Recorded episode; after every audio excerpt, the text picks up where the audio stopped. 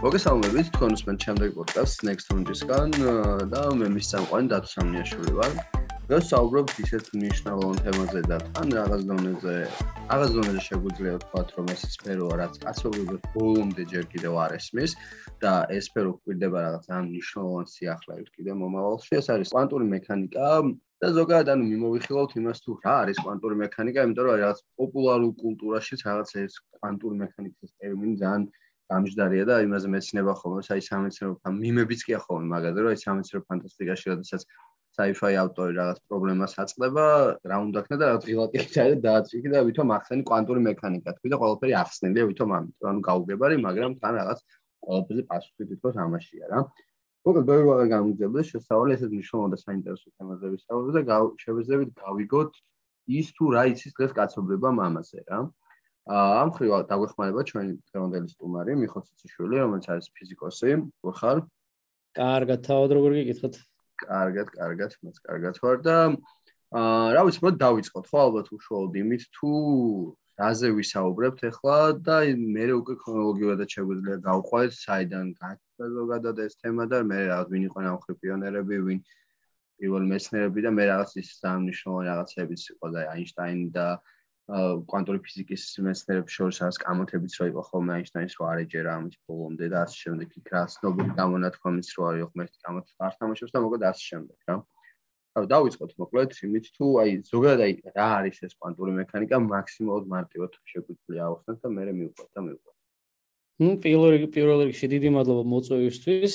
აა ცალკე სალამი მსმენელებს. აა ზოგადად ნუ ეს ძალიან ისეთი რთული კითხვა არის თავიდან რა არის კვანტური მექანიკა. კვანტური მექანიკა არის აა ფიზიკის ერთ-ერთი განხრა, რომელიც აა ნუ დღესდღეობით კიდე მიუხედავად იმისა, რომ დაახლოებით 130 წლის არის უკვე, არა 130 არ ერთი 120 წლის არის უკვე ეს დარგი, დღემდე აი კიდე რაღაცნაირად ცდილობს ასე თუ ისე, რომ სამყაროს ყოფაქცევა, სამყაროს თვისებები ფუნდამენტურ დონეზე ახსნას ძალიან მიკროსკოპულ მასშტაბებზე. ნუ მიკროსკოპულში გულისხმობ 10 ხარისხად მინუს რა ვიცი 30 მეტრის მანძილებზე რა და როგორ ხდება, ნუ ცოტა კიდე უფრო დიდი მანძილები არის იქ.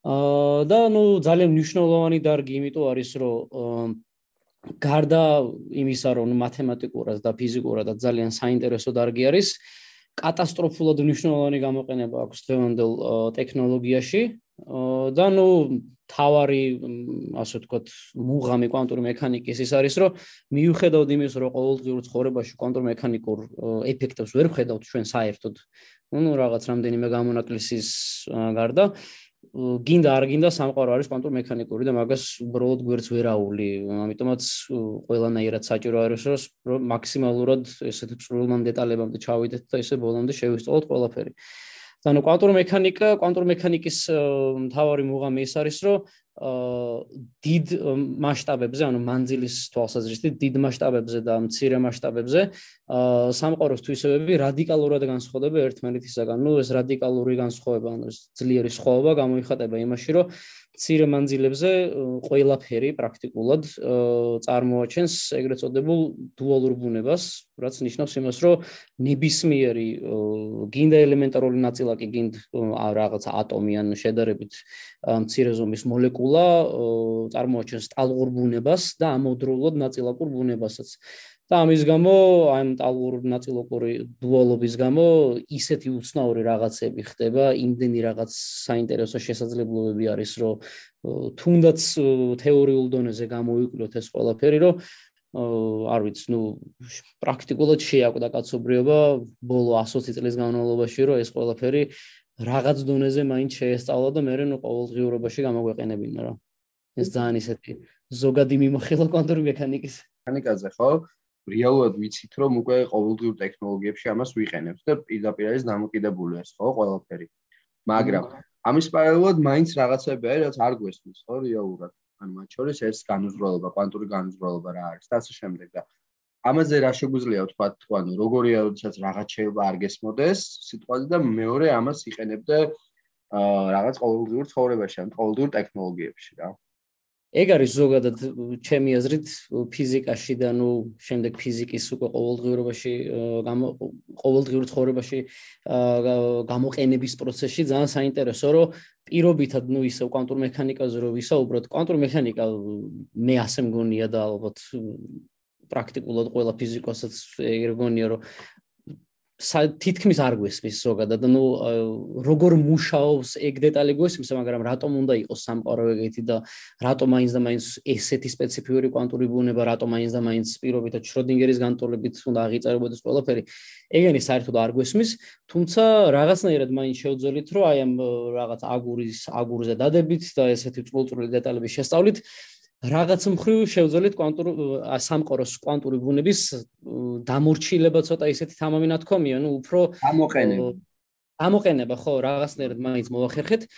ну, მაგის ერთ-ერთი ძალიან საინტერესო მაგალითი არის კვანტურ მექანიკაში, აი, უნივერსიტეტში სტუდენტი სწავლობს, რო იწყებს კვანტურ მექანიკის, ну, დარწმუნებული არ აქამდეც მანამდეც გაგონილი ექნებოდა ეგრეთ წოდებული კვანტური ტუნელირების ეფექტი რა. აჰა. ძალიან უცნაური მოვლენა არის.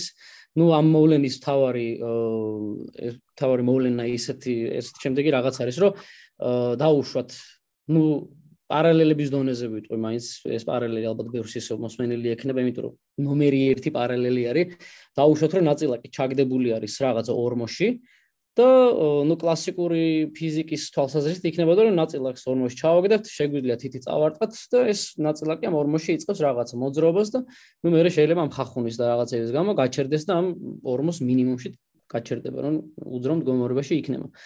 მაგრამ კვანტურ მექანიკაში რადგან ნაწილაკს აქვს ეგრეთ წოდებული ტალღური ბუნებაც და ასევე ნაწილაკური ბუნებაც, ძალიან უცნაური რაღაც ხდება, რომ მიუხედავად იმისა, რომ ნაწილაკს არ აქვს საკმარისი უნარი, რომ ამ ორმოში ორმოში როდესაც არის არ აქვს საკმარისი ენერგია იმისათვის, რომ ორმოს სულ ზემოთა კიდეზე გადავიდეს და შემდეგ ორმოდან თავი დააღწიოს, თავის ტალღური ბუნების გამო მაინც აქვს იმის უნარი, რომ ამ ორმოში რაღაცნაირად ეს ტალღური კვანტური ტუნელირების ეფექტი რაღაცნაირად განხორციელდეს და მიუხედავად იმისა, რომ უშუალებელი ენერგეტიკული ბარიერი გააჩნია, რომელიც კლასიკურ შემთხვევაში არ მისცემდა საშუალებას, რომ ამ ორმოდან გასულიყო, კვანტურ მექანიკაში მაინც ხდება ეგეთი რაღაც, რომ შეიძლება ნაწილაკი კონდეს მოთავსებული ძალიან დიდ პოტენციურ ორმოში, პოტენციალურ ორმოში, ეგრეთ ეძახიან ფიზიკოსები. და მიუხედავად ამისა, ნაწილაკი მაინც ნაწილაკს მაინც შეუძლია, რომ ამ ორმოდან თავი დააღწიოს. ამის ერთ-ერთი მაგალითი არის ხოთაშორის ნაწილაკის ნაწილაკის კი არა და რადიოაქტიული ატომის დაშლა. ერთ-ერთი მაგალითი, როგორც მახსოვს, არის მე მგონი იყო დეიტერიუმი არის ეგეთი წყალბადის იზოტოპი, ანუ ერთი ცალი პროტონი რო ჩავამატოთ და შემდეგ ელექტრონი რო დავამატოთ გარშემო. ნუ ქართულად ამას ქვია მძიმე წყალი. ქიმიურად იდენტური არის ჩვეულებრივი წყლისა. ერთი ძალზნაური ფაქტი არის, რომ მიუხედავად იმისა, რომ მხოლოდ ბირთვულ დონეზე განსხვავდება დეიტერიუმს და წყალბადის ატომი ერთმანეთისაგან, როგორც მახსოვს დეიტერიუმს რატომღაც გაუგებარი მიზეზების გამო აქვს სულ ოდნავ ტკბილი გემო. ნუ ცხადი არავის არ ურჩე მაგის გასინჯოს, იმიტომ რომ მაინც რა ვიცი, ცოტათი ხო, ნუ არ ვიცი, არ ვიცით რატო აქვს სულ ოდნავ ტკბილი გემო. მაგრამ აი დეიტერიუმის ატომი რომ აიღოთ, ნუ ეს მთლიანი ბირთვი, დეიტერიუმის ერთ-ერთ აღგზნებულ ეგრეთ წოდებულ მეტასტაბილურ მდგომარეობაში, როდესაც არის დეიტერიუმი, ელექტრონი კი არა და ეს ბირთვში ერთ-ერთი პროტონი შედარებით არასტაბილურ მდგომარეობაში არის, ეგრეთ წოდებულ მეტასტაბილურ მდგომარეობაში, რაც ნიშნავს, რომ აი თითქმის სტაბილურია იმ გაგებით, რომ ამ ბირთვის დაშლის პერიოდი ძალიან ხანგრძლივი არის, რა.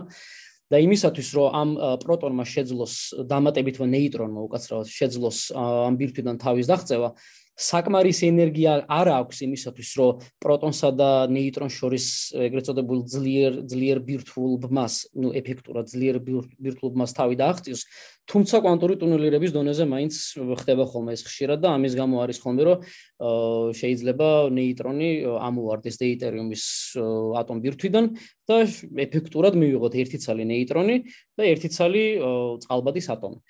მაგრამ ეს ნუ ეხა ვირტუალური ფიზიკის დონეზე არის და ამას დიდი გამოყენება არ აქვს, თუმცა კვანტური ტუნელირება ძალიან აქტიურად გამოიყენება ეგრეთ წოდებულ ტუნელურ ტუნელურ მიკროსკოპიაში. და ტუნელური მიკროსკოპია რა არის, რომ რაღაცა ნიმუში გვაქვს, რომელიც გვინდა რომ გამოვიკვლიოთ. და ამ ნიმუშთან ძალიან ძალიან ახლოს მივიტანთ რაიმე ელექტროდს, რომელსაც ძალიან ესეთი წვრილი წვერი აქვს. თუმცა ამ ელექტროდსა და ნიმუშს შორის არანაირი კონტაქტი არ არის რა, ამიტომაც ელექტრონს ეს ყველაფერი ცხადია ვაკუუმში არის მოთავსებული. ამ ელექტრონსა და ამ ნიმუშს შორის არის ძალიან დიდი ენერგეტიკული ბარიერი, რომლის გადალახვა ელექტრონს ტექნიკურად არ უნდა შეეძლებოდეს რომ არ ყოფილიყო კვანტური მექანიკა. მაგრამ ზუსტად ამ კვანტური ტუნელირების ეფექტის გამო მეცნიერება შეძლეს ამ ტუნელური მიკროსკოპის შექმნა, რომლის დროსაც ზუსტად ამ კვანტური ტუნელირების გამო ელექტრონი ძალიან უცნაურ ამ მოვლენას რაღაცნაირად მოიხელთებს და ტუნელირებას მოახდენს ელექტროდიდან ნიმუში.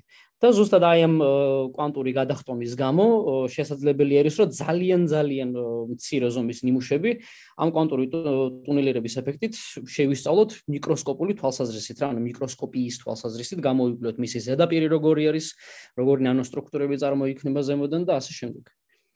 აჰა. კი ბატონო. ხო, ანუ ეს ძალიან ისეთ რაღაცაა რეალურად რა, ანუ ნიშნულოვანიც არის და თან საინტერესო, ხო, მაგრამ ანუ რაღაც მინდა რომ თავიდან იმასაც შევეხოთ რა, ანუ რეალურად როგორ აღმოვაჩინეთ ეს სამყარო რა და იმიტომ რომ სულ პირველად ხო ყველაფერი ან კონცეფტის დონეზე როგორც მე მესმის იწყება იმით რა დემოკრიტეთი ზოლ საბერძნეთში შესაძაც.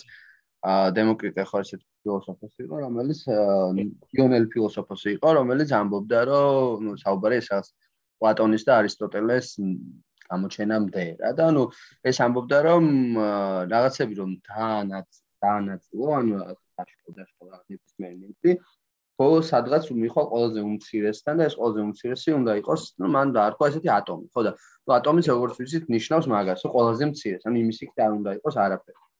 და ნუ მე რაღაც ოდესაც მეცნიერებმა რაღაც უკვე ტექნოლოგიები გამოშა და ასე შემდეგ და რაღაც აღმოაჩინეს პრობლემა ატომი თუ მე არ მეშლება მე რა ინფორმაციაც მაქვს მაშინ ჩათვალეს რომ ეს იყო ყველაზე მცირე რაღაცა ხო მართლა და იმიტომ ქვია ამას ატომი თუმცა მე აღმოჩნდა რომ ატომის იქით კიდე უამრავი ნაწილაკია და რამე კიდე ეძებენ კიდე უფრო უმცირეს ნაწილაკებს, ხო? აი ესეც რომ თქვათ, როგორ მივედით რეალურად აქამდე, როგორ აღმოვაჩინეთ ეს პირველად ატომური ატომური კი არა და პირველად როგორ აღმოჩნდეთ კვანტური სამყარო რა? როგორი იყო ეს პროცესი? ზოგადად ატომური სამყაროს და ცალკე კვანტური სამყაროს აღმოჩენა ჩემი გადმოსახედიდან არის ძალიან კომიკური არის, იმიტომ რომ იმდენად ბევრი ბრჭყალებში სასაცილო რაღაც მოხდა და იმდენად აი როგორ თქვა, გაუთვალისწინებელი და რაღაცა კუთხით გაუაზრებელი რაღაც გამოთვლები ჩაატარეს და ბევრ შემთხვევაში ძალიან უცნაურად გაუვარდათ სწორი პასუხები ეს ბუდიში ჟარგონისთვის, მაგრამ ერთ-ერთი ამის საუკეთესო მაგალითი ჩემი აზრით და ნუ მე პირადად რა მომენტსაც მივიჩნევ, რომ აი ეს კონკრეტული მომენტი არის კვანტური მექანიკის დასაწყისი. იყო აა იყო და არის ისევ ჩემი ჩემი აზრით ეგრეთ წოდებული შავი სხეულის გამოსხივების პრობლემა. ну შავი სხეულის გამოსხივების პრობლემა ძალიან ისე სამეცნიერო ფანტასტიკის რაღაც ჟანრის რაღაც ნაწარმოების სახელად ჟღერს. მაგრამ რეალურად ეს ყველაფერი დაიწყო დაახლოებით ну ალბათ 1890-იანები წლების განმავლობაში და ერთ-ერთი მნიშვნელოვანი კვლევა დაიდო 1900 წელს. და ეს ყველაფერი შეეხებოდა მზის გამოსხივების შესწავლას. ну მზის გამოსხივების შესწავლას, ну რაღაც ძალიან ბევრი საუკუნის განმავლობაში აწარმოებდა ძალიან ბევრი თაობის მეცნიერი.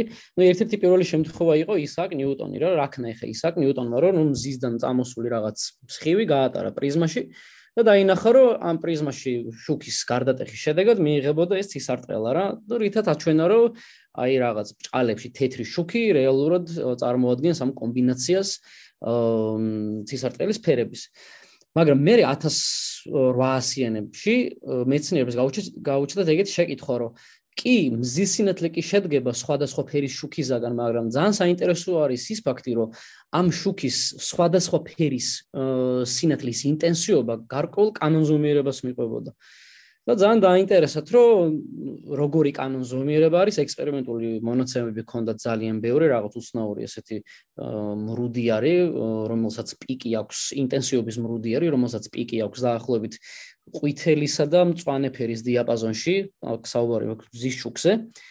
და შემდეგ დაიწყოს უკვე პირობითად რაღაცა გახურებული რკინის ნაგლეჯის ну რკინის ნაგრეჯი რო გავახუროთ ხო ანათებს რაღაცა მოწითალოფრად მაგ სპექტრის ანალიზა ანალიზი დაიწყეს და ну დაინახეს რომ ამ სხვადასხვა ფერების ინტენსივობის განაწილება ძალიან მსგავსი იყო ერთმანეთის ფორმის მხრივ თუმცა სხეულის ტემპერატურის მიხედვით ამ იმის განაწილებაში მაქსიმუმის მდებარეობა იცვლება და ტემპერატურის ცვლილებასთან ერთად.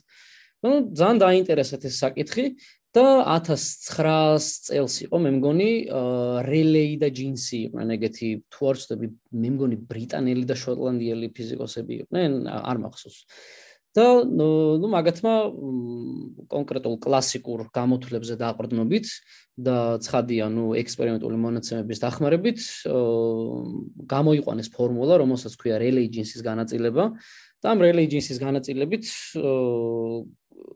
როგორ თქვა აა ინფრაწითელ ზღვარში, ანუ უფრო თერმულ თერმულ დიაპაზონში ელექტრომაგნიტური სპექტრის აჩვენეს, რომ რაღაც ეს მრუდი არის, რომელიც საკმაოდ კარგ თანხვედრაში არის მზის ამ გამოსხივების ინტენსივობის განაწილებასთან რა.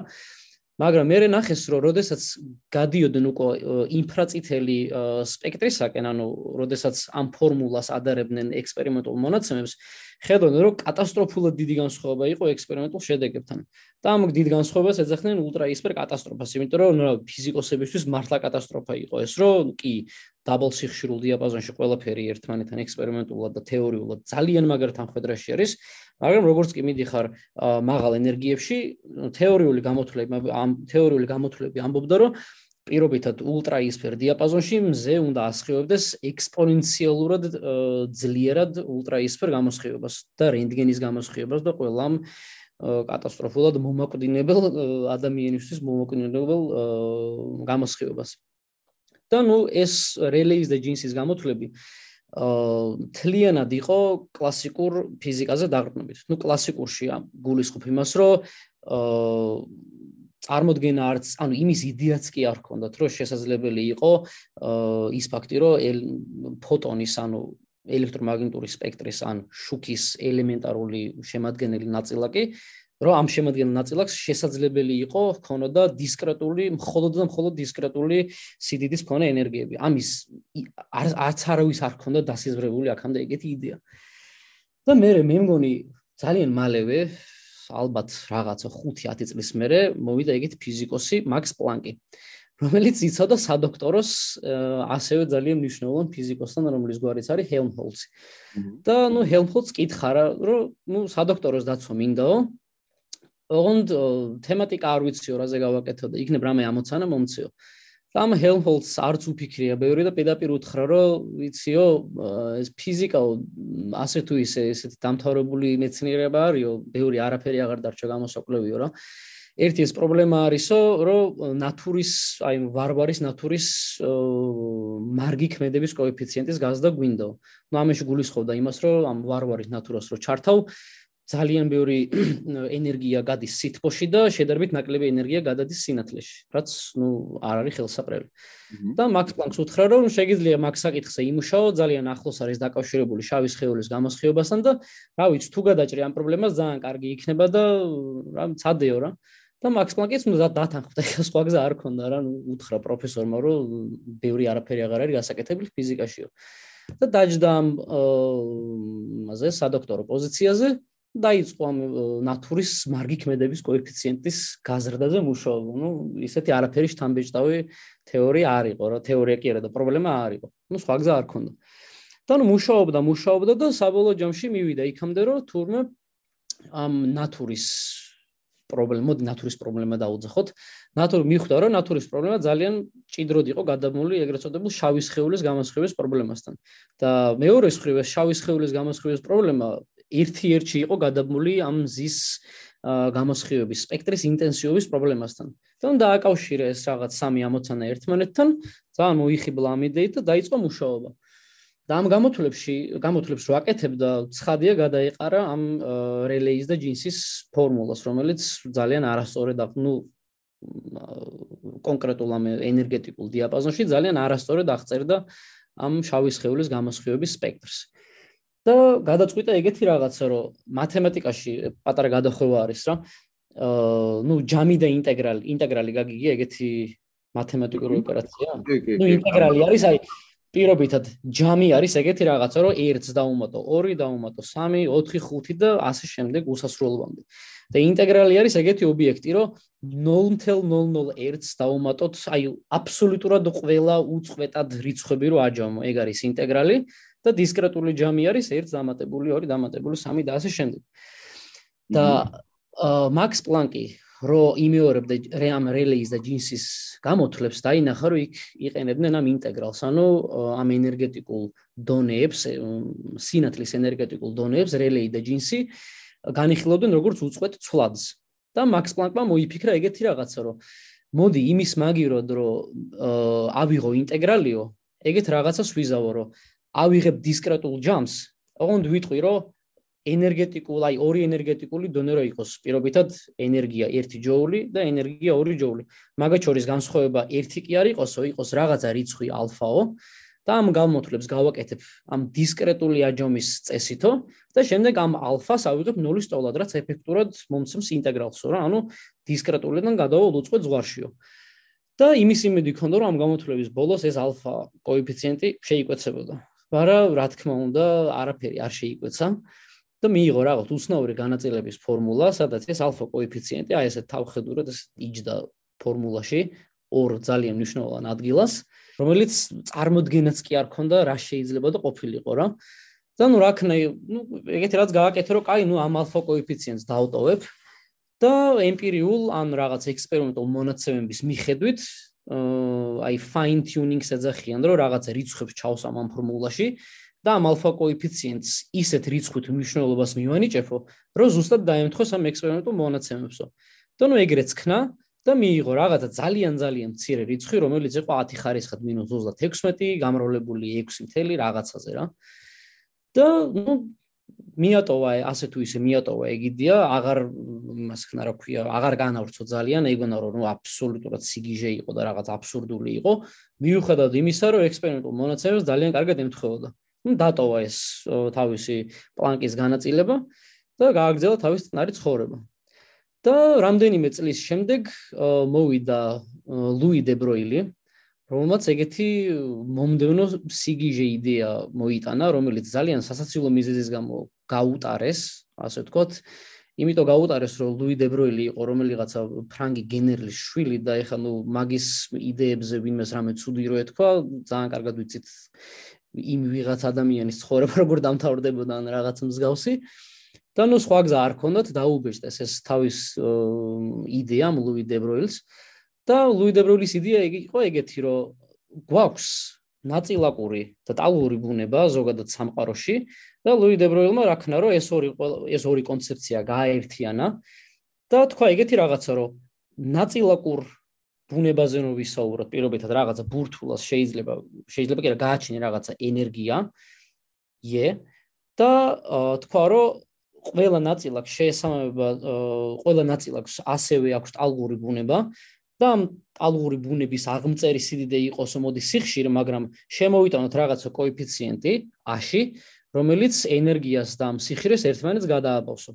და იგივე ქნა ზუსტად ტალღურ ვექტორსა ეს ცოტა სხვა კონცეფციაა ტალღურ ვექტორსა და იმპულს შორის ნუ ნაწილაკის იმპულსი დაკავშირებული არის ნაწილაკის სივრცეში გადაადგილებასთან და ტალღური ვექტორი არის დაკავშირებული ტალღის სივრცეში გადაადგილებასთან და ეს კოეფიციენტი რომელიც მან აღნიშნა a-შით საბოლოო ჯამში ექსპერიმენტებზე დაყრდნობით აღმოჩნდა ისე რომ ზუსტად იგივე კოეფიციენტი იყო რაც მაქს პლანკმა სულ შემთხვევით დასვა თავის გამოთვლებში რომელიც ძალიან უდოდა რომ შეკვეცილიყო მაგრამ არაფერიც არ შეიკვეცა. ну ამის შემდეგ ორი სკოლა ჩამოყალიბდა ასეთი ყველაფრის შემდეგ ჩამოყალიბდა ორი ძალიან მნიშვნელოვანი ასე ვთქვათ ბანაკი ფიზიკოსებში ერთი იყო რომელსაც კატასტროფულად არ შეჯეროდა რომ რა ის ტალღური და ნაწილაკური ბუნება მეორეს მეორე პირიქით თვლიდა რომ კი ეს ყველაფერი სამართლიანია და ნუ ძალიან არ ვიცი როგორ მიიღეს ეგეთი შოკის მონგრელი და შემზარავი რეალ ახალი რეალობა ფიზიკაში, მაგრამ ნუ რაღაცნაირად აითვის ეს ყველაფერი. და ამის შემდეგ ერთ-ერთი პიონერი, რომელმაც ძალიან მნიშვნელოვანი წვლილი შეიტანა ზოგადად კვანტურ მექანიკის განვითარებაში. მიუხედავად იმისა, რომ მისი მთავარი ტიტული სხვა დარგის აღმოცენებაში არის, ეს იყო ალბერტ აინშტაინი. და აინშტაინმა რა ქნა, რომ ეგეთი უცნაური მოვლენა იყო ფიზიკაში, რომ აა ნუ ექს რომელიღაცა ექსპერიმენტატორმა არ მახსოვს ახლა სახელი და გვარი აიღო რაღაცა ფირფიტა მეტალის და დამუხტა ნუ ელექტრონებით.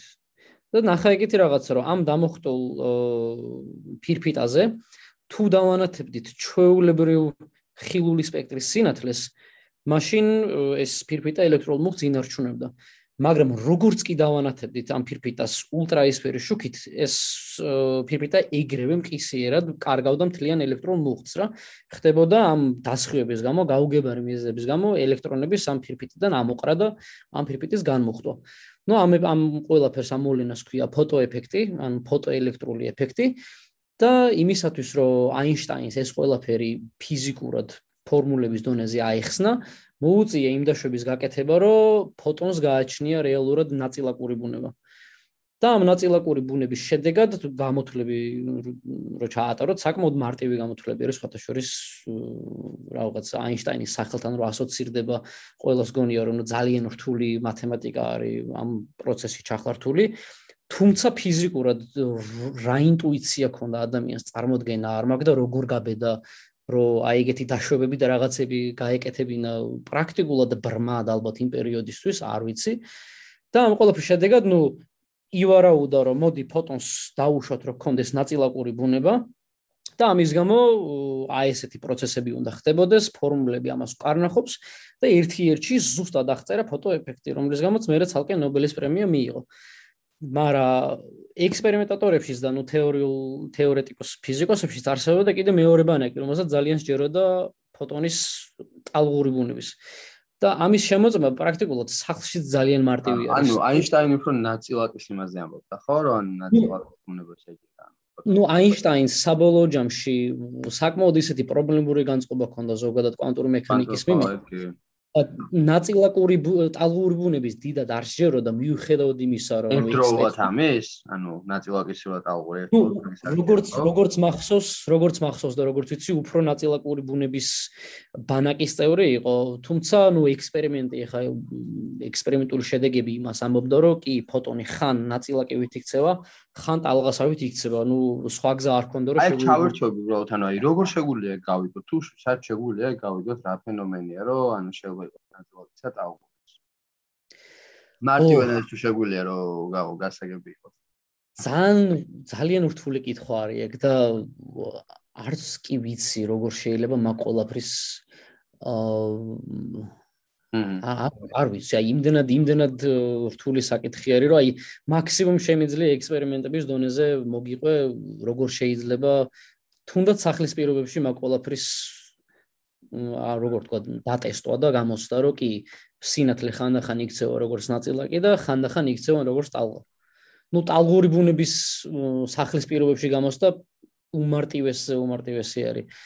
ძალიან საინტერესო მოვლენა არის, ნუ double slit experiment ეგეთი რაღაც ალბათ მოსვენილი გექნება და მაგის სახში გამეორება ძალიან მარტივი არის. ნუ ერთი რაც იქნება საჭირო არის ლაზერი, რომელიც არ ვიცი დღეს რაღაც მიწისქვეშა გადასასვლელებში ორლარად თუ იყიდება კიდე, მაგრამ მუშაობს მშვენივრად.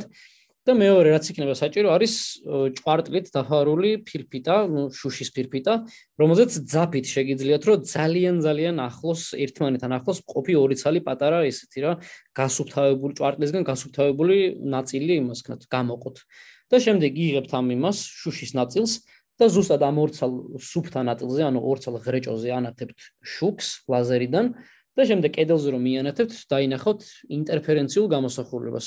ინტერფერენციული გამოსახულება ნიშნავს, რომ რაღაცა ზონები იქნება, რომელიც განათებული არის და ამ ზონებს შორის იქნება ჩაბნელებული ნაწილები.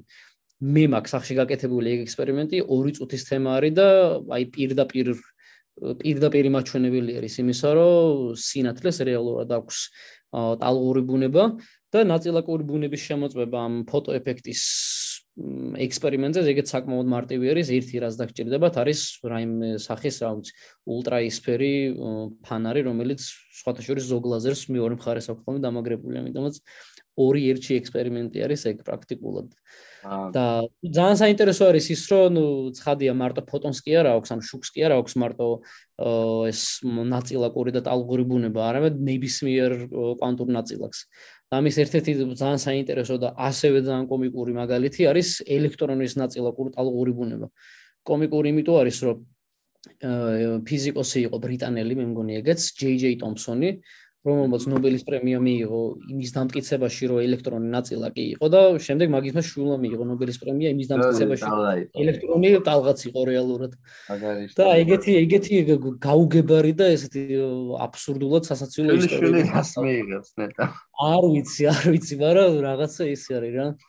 იმდენი იმდენი ესეთი საინტერესო და უცნაური რაღაცა ხდება კვანტურ მექანიკაში ზოგადად რომ არაფერი აღარ არის გასაკვირი უკვე რა.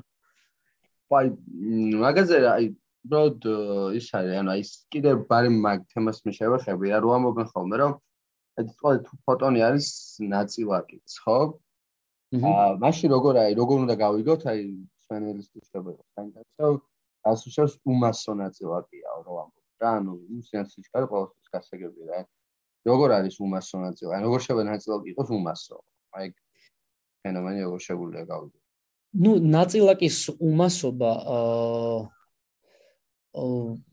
ეგეც საკმაოდ ისეთი უცნაურად უცნაური ის არის შეკითხვა არის.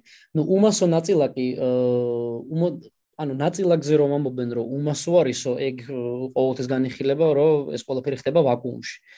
მაგრამ ну ძალიან საინტერესო ცალკე ეს გადახვევასავით არის რომ ფოტონი რო გაუშვა კონკრეტული ტიპის გარემოში, ფოტონს ფოტონი შეიძენს რაღაც ეფექტურ მასას და იქ კიდე ცალკე სიგიჟეები ხდება, მაგრამ ნაწილაკების ზოგადად ნაწილაკის უმასობა ჩემთვის პირადად და ალბათ რამ ბევრი ფიზიკოსისთვის იმას ნიშნავს, რომ აი პირობითად ფოტონზე თუ ვილაპარაკებთ, ფოტონი არის ეგრეთ წოდებული ბოზონური ნაწილაკი, და ის არის ურთიერთქმედების გადამტანი, ანუ ფოტონი არის ელექტრომაგნიტური ურთიერთქმედების გადამტანი ნაწილაკი. პირობითად ელექტრონი არ არის არანაირი იმის ფუნდამენტური, აი 4 ფუნდამენტური ურთიერთქმედება რო აქვს ელექტრომაგნიტური, ძლიერი, ბირთვული და გრავიტაციული. ფოტონი არის ელექტრომაგნიტური ურთიერთქმედების გადამტანი, თუმცა ელექტრონი არ არ არის ამ ურთიერთქმედების გადამტანი ნაწილაკი. და ნაწილაკის უმასობა ნიშნავს, რომ ამ ურთიერთქმედებას გააჩნია უსასრულოდ გრძელი ქმედების რადიუსი. ამის ერთ-ერთი კარგი მაგალითი არის კულონის ურთიერთქმედება, ისევ იმიტომ რომ ნუ კულონი ელექტრომაგნიტური ურთიერთქმედების ეს არის ერთ-ერთი როგორ თქვა, მუხტებს შორის მიზიდვა განზიდვის ძალას აღწერს.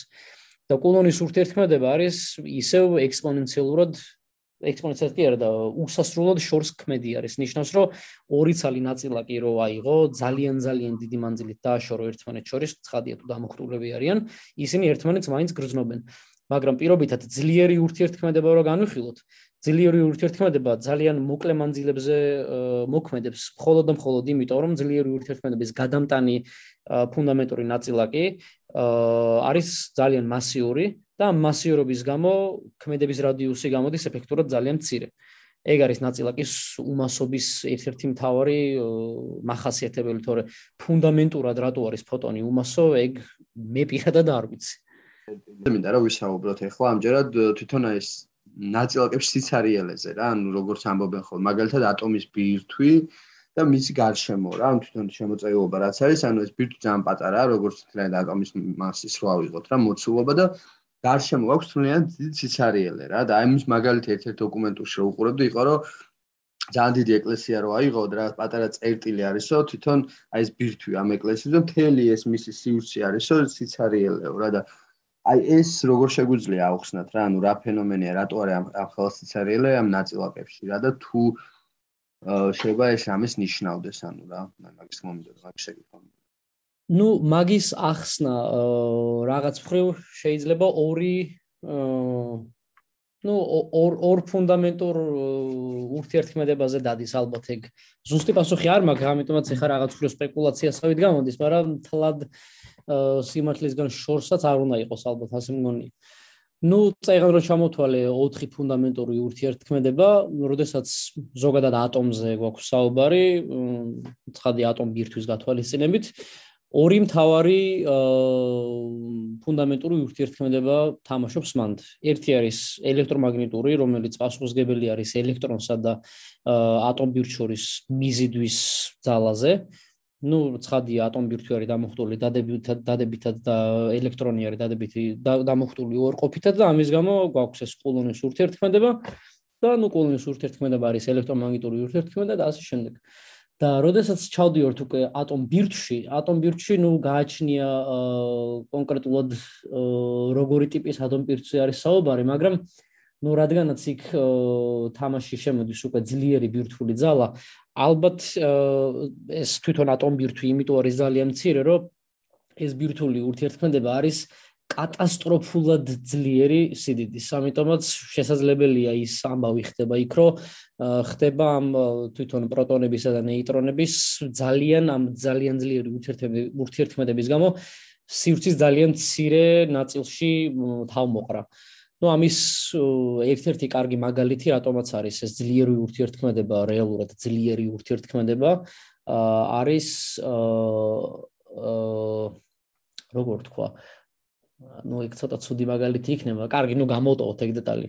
არ არის ახლა მთლად მთლად რელევანტური, მაგრამ ну ეს ის დეტალი, რატომაც ამ ძლიერი და სუსტი ურთიერთქმედებების, ცხადია სუსტი ურთიერთქმედების გამოც არის ეს თვითონ ატომბირთვი ძალიან მცირე ზომის, ეგ ასე თუ ისე ეგრეთ წოდებული hand wavy argument ქვია ამას ან რაღაც ისე ცოტა ჰაერიდან მოტანილი არგუმენტებით.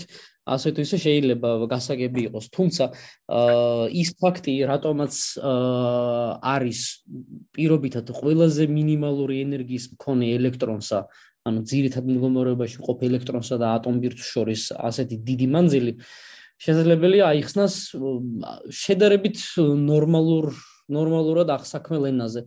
ну ცხადია იმისათვის ესეც აი ეგრეთ წოდებული ნახევრად კლასიკური ნახევრად კვანტურმექანიკური ახსნა არის ამ მთლიანი ფენომენის.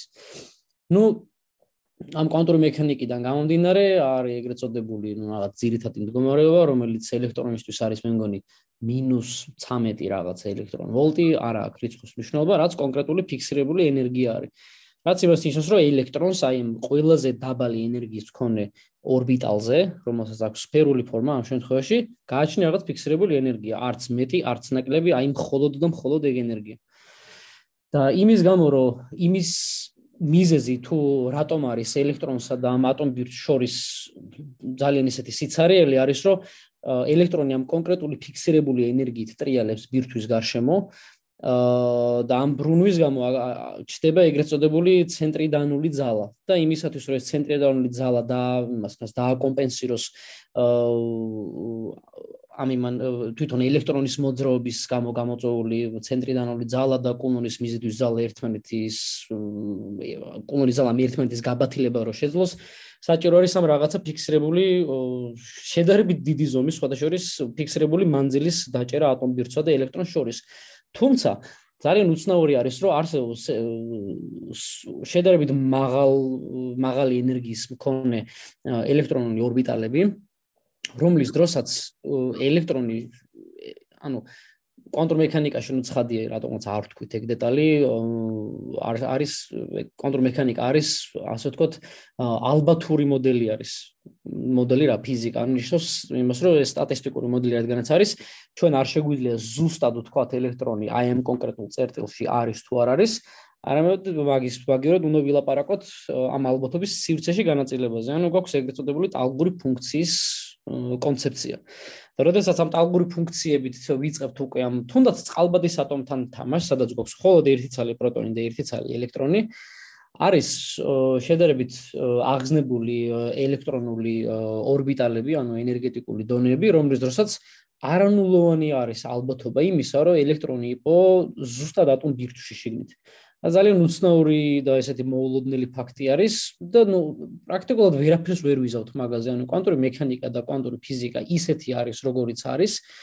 და ნუ მაგაზე ასეთი მომჭრელი პასუხი და ეს გადამჭრელი პასუხი რა ის ზუსტად აი ამ და ამ მიზეზების გამო არის რომ ელექტრონი რაღაც კონკრეტულ მდგომარეობებში კატასტროფულად დიდ მანძილებით არის დაშორებული ბირთვისაგან, ხოლო სხვა მდგომარეობებში პირიქით შეიძლება ატომ ბირთვში იპოვო, მაგაზე ასეთი გადამჭრელი პასუხი არ არსებობს და ნუ აი ეგ არის საბოლოო ჯამში ჩემი აზრით კონტურ მექანიკის თავი ხიბლი და ესეთი ჭალებში მუღამი რომ ბევრი რაღაცა არის ისეთი, რაზეც უბრალოდ პასუხი ჯერ არ გვაქვს და საბოლოო ჯამში მაინც იმაზე მივიდიოთ, რომ ფუნდამენტურად რაღაცების გაგება დროებით საჭირო არის როგორზე გადაიდოს და უფრო პრაქტიკულ ნაწილზე კონცენტრაცია შეიძლება უფრო ხელსაყრელი იყოს. როგორც ყოველდღიურ გამოყენებაში ისე შესაძლებელია ამ პრაქტიკულმა გამოყენებამ სამომავლოდ მოქცეს პასუხი იმაზე რომ პირობითად რატო შეიძლება რომ ელექტრონი ატომბირთში იპოვო ან რატო შეიძლება რომ ატომბირთისგან ასეთ დაშორებით იყოს ყველაფერი ამიტომაც მაგაზე ასეთი წერტილის დამსმელი პასუხი მე მგონი ნუ მეჯერ არ მეგულება. შეიძლება სადმე არის. პრაქტიკული გამოყენებაზე რო საუბრობ, ან პრაქტიკული გამოყენებაც გავშალოთ ეს თემა, ანუ რა ტექნოლოგიებია მაგალითად რა დღეს ვიხენებთ ამას და ნამდვილად მნიშვნელოვანია უკვე ეს ყველაფერი. ო, ეგ არის ძალიან მაგარი თემა. ეხლა მე რატომაც მაქვს ეგეთი სურვილი, რომ ანუ ყველა ძალიან ბევრჯერ სმენია ამ კვანტური კომპიუტერების იდეა და კვანტური გამოთვლები და ასე შემდეგ და ასე შემდეგ. ანუ მაგის მიღმა კვანტურ მექანიკაში და ზოგადად კვანტურ ტექნოლოგიებში იმდენი რაღაცა ხდება და იმდენი ისეთი წინსვლები არის და ისეთ აი მართლა სიგიჟეებს აკეთებენ ექსპერიმენტზე, რომ არ ვიცი, ჩემი აზრით უფრო საინტერესო არის მაგაზე საუბარი. გადაფარული აქვს უბრალოდ კვანტურ კომპიუტერებს შემსწრე მაგის ხარ და არა არა კონტროლ კომპიუტერები რო ძალიან რელევანტური და ისეთი მნიშვნელოვანი ტექნოლოგია არის რომელიც ნუ ნელ-ნელა მაგრამ საბოლოო ჯამში წინ მიიწევს ცხადია.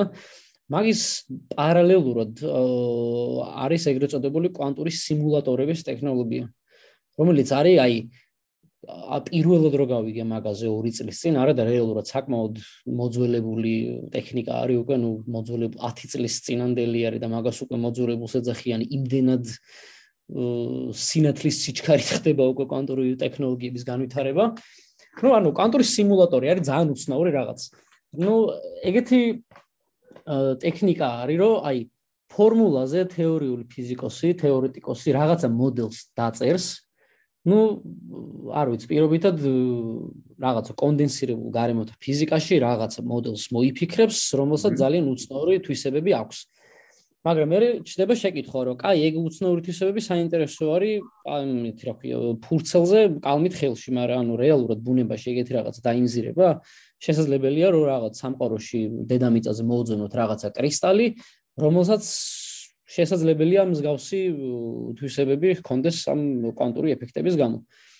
ხშირად ხდება ხოლმე რომ ეგეთი კრისტალები ანუ პირდაპირ გაგებით მინერალები არ არსებობს დედამიწაზე რომელიც მაგ კონკრეტულ თვისებებს წარმოაჩენს. თუმცა შესაძლებელი არის რომ ამ კვანტური ტექნოლოგიების გამოყენებით ექსპერიმენტზე ხელით აი პირდაპირ გაგებით ხელით და ლაზერებით აი ეს სათითოდ მწკრივად თუნდაც დაალაგო ატომები როგორი თვისებებიც გინდა ისეთი თვისებები მიანიჭო და საბოლოო ჯამში ჩაატარო აი ლაბორატორიაში ეგრეთ წოდებულ ოპტიკურ მესერებზე ამ თეორიული მოდელის სიმულაცია, ოღონდ ანუ სიმულაცია იმ გაგებით კი არა კომპიუტერში რომ რაღაცა კოდს გაუშვებ, რეალურად კვანტური ეფექტები რო ჩაერთვება, იქ რაღაცა ინტენგლმენტი როგორ წარმოაჩენს თავს, იქ ნაწილაკებს შორის მიზიდვა, კვანტური ნაწილაკებს შორის თან მიზიდვა განზიდვა რა ეფექტებს ქმნის, ეგეთი რაღაცებით ისეთი ისეთი მოდელების განხორციელება შეძლეს ექსპერიმენტზე, რომ აი არ ჭკუიდან შევიშალე, კინაღო პირველად რო გავიგე. და ექსპერიმენტზე როგორ ხდება, რომ რამდენიმე წლის წინ გასცეს მაგაზე ნობელის პრემია, მე მგონი იყო 2018-ში ან 17-ში, არ მახსოვს ზუსტად. იყო optical tweezers, არის ოპტიკური პინცეტები. და ოპტიკური პინცეტებით რასაკეთებენ, რომ ნუ პირობითად აორთქლებენ რუბიდიუმის ატომს და მე ძალიან ზუსტად და იფაქიზად ფოკუსირებული შუქით აი ზუსტად როგორც ისე აი როგორც პინცეტივით აი ესე სათითაოდ ატომებს იღებენ, ალაგებენ ერთ მწკრივ ხაზად ამ ატომებს და შემდეგ ანათებენ ჩაოლებრივ შუქს ზემოდან ისე რომ პირობითად აი რაღაც ორი ცალი საპირისპირო მიმართულებით წამოსული ლაზერის შუქი არის და იქ მიდის ეს ეგრეთ წოდებული ინტერფერენცია, რაც ნიშნავს, რომ ერთი ცალი ლაზერის მაქსიმუმი მეორე ლაზერის მაქსიმუმს რო დაედება, მანდ არის სინათლის, ну, დიდი პიკი ჩდება და მინიმუმში უფრო, როდესაც მარცხენა და მარჯვენა ლაზერების მინიმუმები ერთმანეთს დაემთხოვიან, მაშინ სივრცის მაგწერტილში უფრო გაძლიერებული მინიმუმი არის რა. და ამ ყველაფერს აქვს სინუსის ფორმა, ჩვეულებრივი სინუსის პერიოდული ფორმა. და მაგით აკეთებენ კრისტალური მესერის სიმულაციას ამ ოპტიკური მით ლაზერებით.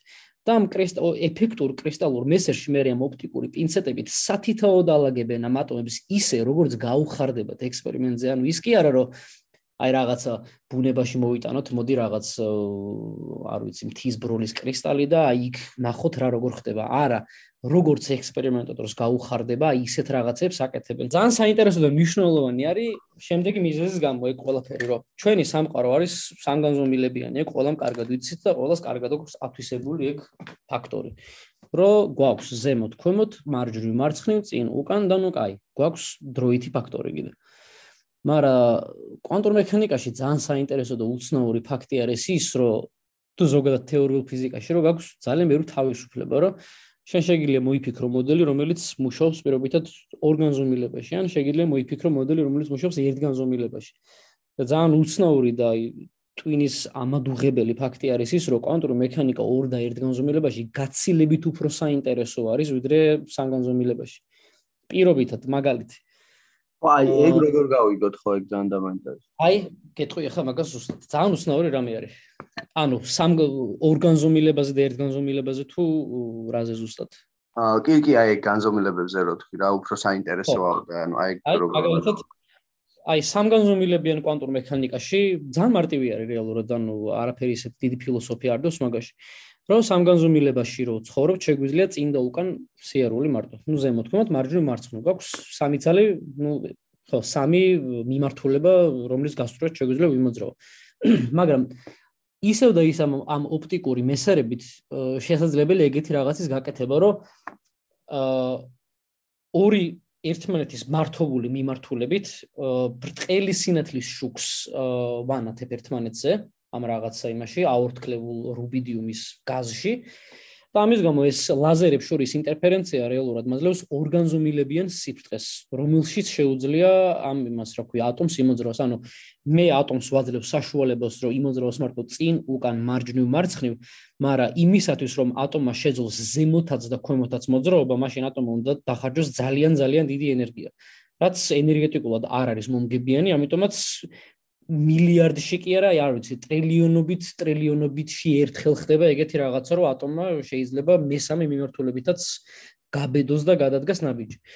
ამიტომაც ეფექტურად ექსპერიმენტზე ეგრე ახდენენ ორგანზომილებიანი ფიზიკის სიმულაციას. მაგრამ მე შემიძლია კიდე ერთი ნაბიჯი წინ წავიდე და ამ ნაწილაკს, ამ ისევ რუბიდიუმის ატომებს პირობითად მარჯვნივ და მარცხნივ სიარულით აუკრძალო. ისე ისეთი ლაზერით დავანათო რომ ზემოთ ქვემოთ და მარჯვნივ მარცხნივ სიარულიც ენერგეტიკულად ძალიან დიდ ხარჯთან არის დაკავშირებული, ანუ ატომს უბრალოდ არ აქვს მაგის ენერგია, რომ ეს ბარიერი გადალახოს. და შესაბამისად ატომს მე შეუზღუდავ და მარტო ვაძლევ იმის საშუალებას, რომ იმოძრაოს წინ და უკან. ეხლა რატო არის ძალიან საინტერესო ეგ ყველაფერი? სამგანზომილებაში, ну, ზოგადად კვანტურ მექანიკაში ალბათ ქსვენია ფერმიონების და ბოზონების კონცეფცია. რომ არსებობს ორი ტიპის ნაწილაკი, ერთს ქვია ფერმიონი, მეორეს ქვია ბოზონი და მორჩა ისტორია მანდ. ну, ბოზონებსა და ფერმიონებს შორის არის ეგეთი ან თავარი განმასხვავებელი ნიშანი რა არის, რომ დაუშვათ გვაქვს ორი ცალი იდენტური ნაწილაკი. იდენტური ნიშნავს, რომ აი ვერაფრით ვერ გააჩევ ერთ ნაწილაკს მეორესგან. აი არ ვიცი, ნუ კლასიკურ მექანიკაში შეგიძლია კლასიკურ ფიზიკაში შეგიძლია ერთ-ერთ ბურთს რაღაც საღებავი წაუსვა და ეგ იყოს რაღაც მარკერი, რომ ეს პირველი ბურთია, ის მეორე ბურთია. კვანტურ მექანიკაში როცა ლაპარაკობ იდენტურ ნაწილაკებზე, არანაირი ეგეთი მარკერი არ გაქვს. მარკერი თუ გაქვს რაღაც ეგეთი, ანუ შეგიძლია თქვა, რომ ერთი ნაწილაკი ცოტათი უფრო მძიმე არის, ნიშნავს, რომ იდენტური აღარ არის.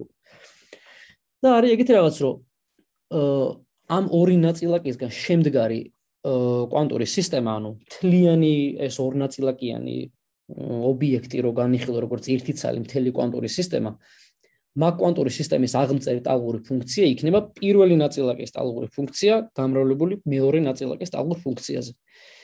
ეხლა, შენ გაქვს ეს რაღაცა სრული ტალღური ფუნქცია, რომელიც ამ ყველაფერს აღწერს. მაგრამ რადგანაც ნაწილაკები არიან იდენტურები, მაშინ ჩდება ეგეთი კითხვა, რა, კაი, მე ამ ორ ნაწილაკს ადგილი რო გაუცვალო, ხო არაფერი არ უნდა შეიცვალოს? ნუ, არაფერი არ უნდა შეიცვალოს.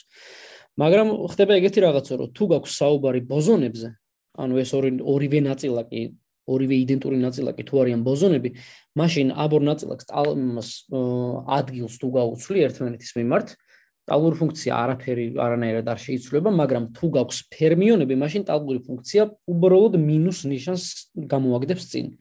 რაც საბოლოო ჯამში ფიზიკურად არაფერს არ ცვლის, იმიტომ რომ საბოლოო ჯამში ეს ალბათობის განაწილება და რაღაცა არის ამ ტალღური ფუნქციის კვადრატი. და ნუ -1 კვადრატში რო აიყვან, იკვეცება და ნუ არაფერი ისეთი განმასხვავებელი ნიშანი არ არის. მაგრამ რო ჩახვიდე ერთგანზომილებაში უკვე იქ ძალიან უცნაური რაღაც ხდება რომ გაქვს ორი სალი იდენტური ნაწილაკი და მერე შევ კითხოს რომ კაი ეხა ეს ორი ნაწილაკი როგორ განმასხვავებენ ერთმანეთისგან ნუ ბუნებრივი პასუხი არის რომ რავი ადგილები გადაუსვი ერთმანეთის მიმართ. მაგრამ ადგილები როგორ უნდა გადაუსვა? ორ ნაწილაკს ერთმანეთის მიმართ. ისე რომ ერთმანეთს არ დააჯახო იმიტომ რომ ეს ორივე ნაწილაკი შეზღუდული არის მხოლოდ ერთ სწორ ხაზზე სიარულით. მეტის უფლება არ აქვს ნაწილაკს უბრალოდ. და მაგის გამო ხდება ეგეთი რაღაცა, რომ ერთგონზომილებიან კვანტურ მექანიკაში რო ჩადიხარ, ფერმიონების და ბოზონების კონცეფცია ზოგადად აზრი ეკარგება, ეგეთი რაღაც აღარა გაქვს. ყველა ფერმიონი არის ყველა ბოზონის ეკვივალენტური. მაგრამ შენ რო ჩახვიდე, შენ რო გადახვიდე პირიქით ორგანზომილებაში, იქ კიდე უფრო ეგზოტიკური რაღაცა ხდება, იმიტომ რომ იქ შეიძლება კონდეს ფერმიონით შეიძლება კონდეს ბოზონით შეიძლება კონდეს და კიდე შუალედური ტიპის ნაწილაკი არის, რომელსაც ქვია ანიონი. და ანუ ამ ანიონებით შესაძლებელია ისეთი რაღაცების გაკეთება, რომ აი რამდენი რამე ჩამოთოლო წარმოქმნა არ მოხს. აი გადასმაზე რო თქვი ორი ნაწილაკის ადგილით შეცვლაზე. ამ ანიონებზე, როდესაც იწებ მუშაობას, არა ეგეთი რაღაცა, რომ ორი ანიონის ერთმანეთის ორი ორი ანიონი რომ აიღო და ერთმანეთს ადგილი რო გაუცვალო, ეგ შეიძლება ძალიან მარტივი მათემატიკური გამოთვლებით აჩვენო, რომ ეკვივალენტური არის კლასიკურ კომპიუტერში, აი ლოგიკური გეითები რო არის C-not და not gate და რაღაცეები. მაგების სიმულაცია შეიძლება ორგანზომილებიან კვანტურ სისტემაში. და უფრო მეტიც, ანუ მარტო კლასიკური ლოგიკური გეითები კი არა, კვანტური ლოგიკური გეითების სიმულაცია შეიძლება და მაგიტო არის, რომ ამ ორგანზომილებიან კვანტური სიმულატორებით გარდა იმისა, რომ შეიძლება ძალიან უცნაური თეორიული მოდელები გამოიკვლია ექსპერიმენტულად პირდაპირ საშუალებას გაძლევს რომ პროსტა კვანტური კვანტური კომპიუტერი ააწყო და იქ ითამაშო და იქ იმას ქნა გამოიკვლია ამ კვანტური ბუნების თავარი შინაარსი რა და როგორი არის და ძალიან ბევრი რაღაცა უცნაურ საშუალებას იძლევა ეს კვანტური სიმულატორები და ანუ კვანტური ტექნოლოგია საერთოდ არ შემოისაზღვრება მხოლოდ კვანტური კომპიუტერებით. მაგის მიღმა თელი სამყარო არის უცნაური ტექნოლოგიების. Ну ერთ-ერთი ყველაზე პრიმიტიული მაგალითი ისევ არის არ MRI სკანერი ან რაღაც ზეგამტარები ან მთელი ეგეთი ისინი ტექნოლოგიები რომელიც ბოლო 50 წელი ალბათ უკვე ყოველდღიურობაში გამოიყენება ტრანზისტორებს და დიოდებს და რაღაცებს თავი რო დავანებოთ რომლის დახმარებითაც არის რომ აი ხა ჩვენ აი მაშინ რო ზუმში ვსაუბრობთ და ვიწერთ ამ ყველაფერს. ხო ნუ ასაგიჟებელი ყოველდღიური მასშტაბი უკვე შემოსული და აა ან ჩვენ უფრო რეალურად ნუ სიტყვაზე ასე ლაპარაკე და გინდათ კვანტურ კომპიუტერგან რეალურად კიდე უფრო დიდი პოტენციალი აქვს ხო ამ ტექნოლოგიებს კი კი კი კი კი ეხ ჩვენ ეხლა ვიწყებთ რეალურად ყველაფერს. აქამდე რამდენი წელიც ვიკულებდით კვანტურ მექანიკას. იქნება ჩაითვლება ეს 1900 წლიდან თუ 1925 წლიდან. ვისთვის როგორ ეგეც ნუ მაგას მნიშვნელობა არ აქვს. საუკუნის რიგზე გვაქვს ლაპარაკი მთელი ეს საუკუნე ჩვენ ეხა რეალურად მხოლოდ ვიკვლევდით, აი ინგლისურად რომ ამბობენ barely scratching the surface, რომ აი აი ეხა ვიწყებთ რეალურად მთელი ამ ცოდ დაგროვებული თეორიული ცოდნის პრაქტიკაში ჩადებას. ეს ლეპტოპები და ტელეფონები და რაღაცეები რო გვაქვს ყველას, ეგ რეალურად არაფერი არ არის მაგის მიღმა, იმდენი რაღაც იმდენ რამის გვპირდება კვანტური ტექნოლოგიები, რომ აი მართლა შემდეგი ტექნოლოგიური რევოლუციის წინაშე ვდგავართ ახლა ყველა. კატასტროფულად კარგი გაგებით კატასტროფულად, ოღონდ აი მაგრამ კატასტროფულად შეიძლება სამ ამდენ შეიძლება ველოდოთ ამ ცრულებებს, შეიძლება წარმოგიდგენ. ну მაგის თქმა ძალიან რთული არის, მაგრამ ოპტიმისტურად ვარ განწყობილი მე და გონია რომ რაღაც 20 25 წელში ისეთი რაღაცები დატრიალდება რომ ტრისას მართლა რა. ვერც წარმოვიდგენთ დაჟე, ეგრე შეიძლება ითქვას ახლა. აი, შე აი, ყველაზე მარტივად წარმოსადგენი შეიძლება ის თქვას კაცმა, რომ აი, შეიძლება ოთახის ტემპერატურაზე მომუშავე ზეგამტარი, ზეგამტარის თეორია დაიწეროს, რაც ცალკე სიგიჟე არის და ნუ ლაბორატორიაში შეიქმნოს ოთახის ტემპერატურაზე მომუშავე ზეგამტარი, რაც საშუალებას მოგცემს, რომ რავი ნორმალურად ვიცხოვროთ და ტელეფონი ხელში არ გაგვიხურდეს სკროლ ვიზგან ან რაღაცა ლეპტოპი უფრო ჩქარა მუშაობდეს და საერთოდ აღარ ხურდებოდეს და ელემენტი უფრო ძალიან ეფექტური იყოს ლეპტოპი. ახურების პრობლემას ვაფშე მოაგვარებს ეგ? ახურების პრობლემა საერთოდ აღარ იქნება იქ ეგეთი რამე. ანუ ზეგანტარი ზეგანტარის მთელი მუღამიც ეგ არის რომ წინოღობა აქვს ნოლთან ძალიან ახლოს კი არა ანუ უდრის ნოლს 0.000 რაღაც არ არის ანუ ზოგადად წინაღობა არც არსებობს ზეგანდარში. და ზუსტად წინაღობის ბრალი არის, რომ ლეპტოპში რაღაც სიცხე სითბო გროვდება და მე ამ სითბოს გატანა არის საჭირო, რაზეც ცალკე ენერგია უნდა დახარჯო კულერიდან, მე ეს კულერი კიდე ენერგიას მოიხმარს და მთელი ამბები არის და ეგეთი პრობლემები ხო საერთოდ მოიხსნება. მე კიდე ზოგადად კომპიუტერში ლოგიკური ოპერაციების სიჩქარე კატასტროფულად დაჩქარდება. ახლა რო რაღაცა გიგაჰერცებზე და რაღაცებზე ვართ ასული ნორმალურ ლეპტოპში არც კი მინდა იმ რიცხვის თქმა სპეკულაციის კუთხით რა სიჩქარეებზე იქნება მე საუბარი. აი წარმოუდგენელი რაღაცეები გველოდება წინ. ანუ მომავალი კვანტური გვაქვს მოკლედ რა. მომავალი არის კვანტური. ანუ მაგარია აი მაგაზე გამახსენე კაკრას ესეთი რაღაცა რა ანუ აა რეო ძვარი ხო არის მაინც რა, ნუ ესე გვესმის, რომ არის კვანტური სამყარო და არის მაკრო სამყარო რა, რომელშიც ჩვენ ვართ. აა და ნუ კანონები სხვა არის, იქ და აქ ეს განუზღელობის მომენტი რაღაცა და ჩვენთან არ არის. თუმცა ამით манипулиრებენ ხოლმე ძალიან ხშირად, ზო მათ შორის არის სამეცნიერო ფანტასტიკაშიც რა, თითქოს ანუ ეს კვანტური ფენომენები გადმოაქვთ ხოლმე макросამყაროზე რა და ამ ხრივ არის ძალიან საინტერესო, ანუ რამდენად შეიძლება რეალურად ვიყოთ ისევ ამ ყველაფრის ქვეშ და უბრალოდ აი რაღაც დონეზე ჩვენ ეს არ გვესმოდეს ანუ ვერ ვიგებდეთ რა. ანუ აი ეგაა ძალიან საინტერესო.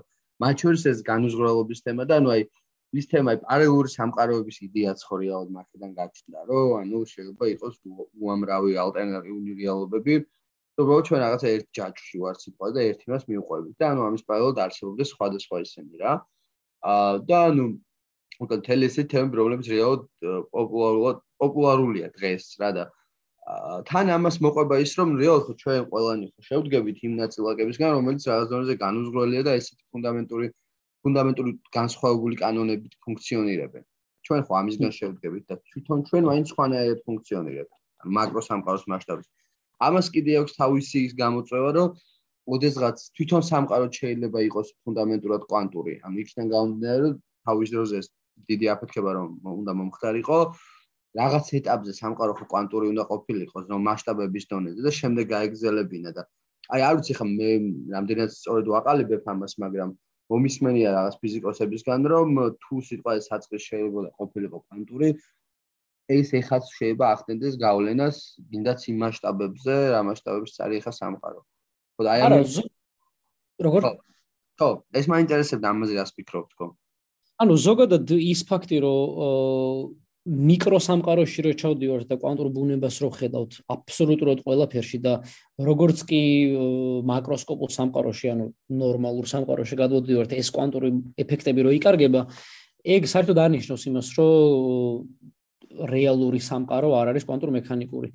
ერთ რაღაცას დავამატებ ანუ ცნაური ფაქტი არის მეც საკმაოდ ისე ვიყავი ანუ ბოლომდე ვერ აღვიქვი თავის დროზე რომ აი მაცივარზე რომ მაგნიტები გვაქვს მიკრობილი, ეგ მაგნიტი რეალურად კვანტური ობიექტი არის. იმ გაგებით კი არა, რომ თვითონ მაგნიტი არის კვანტურ მექანიკური და ტალღური ფუნქციები და რაღაცეები.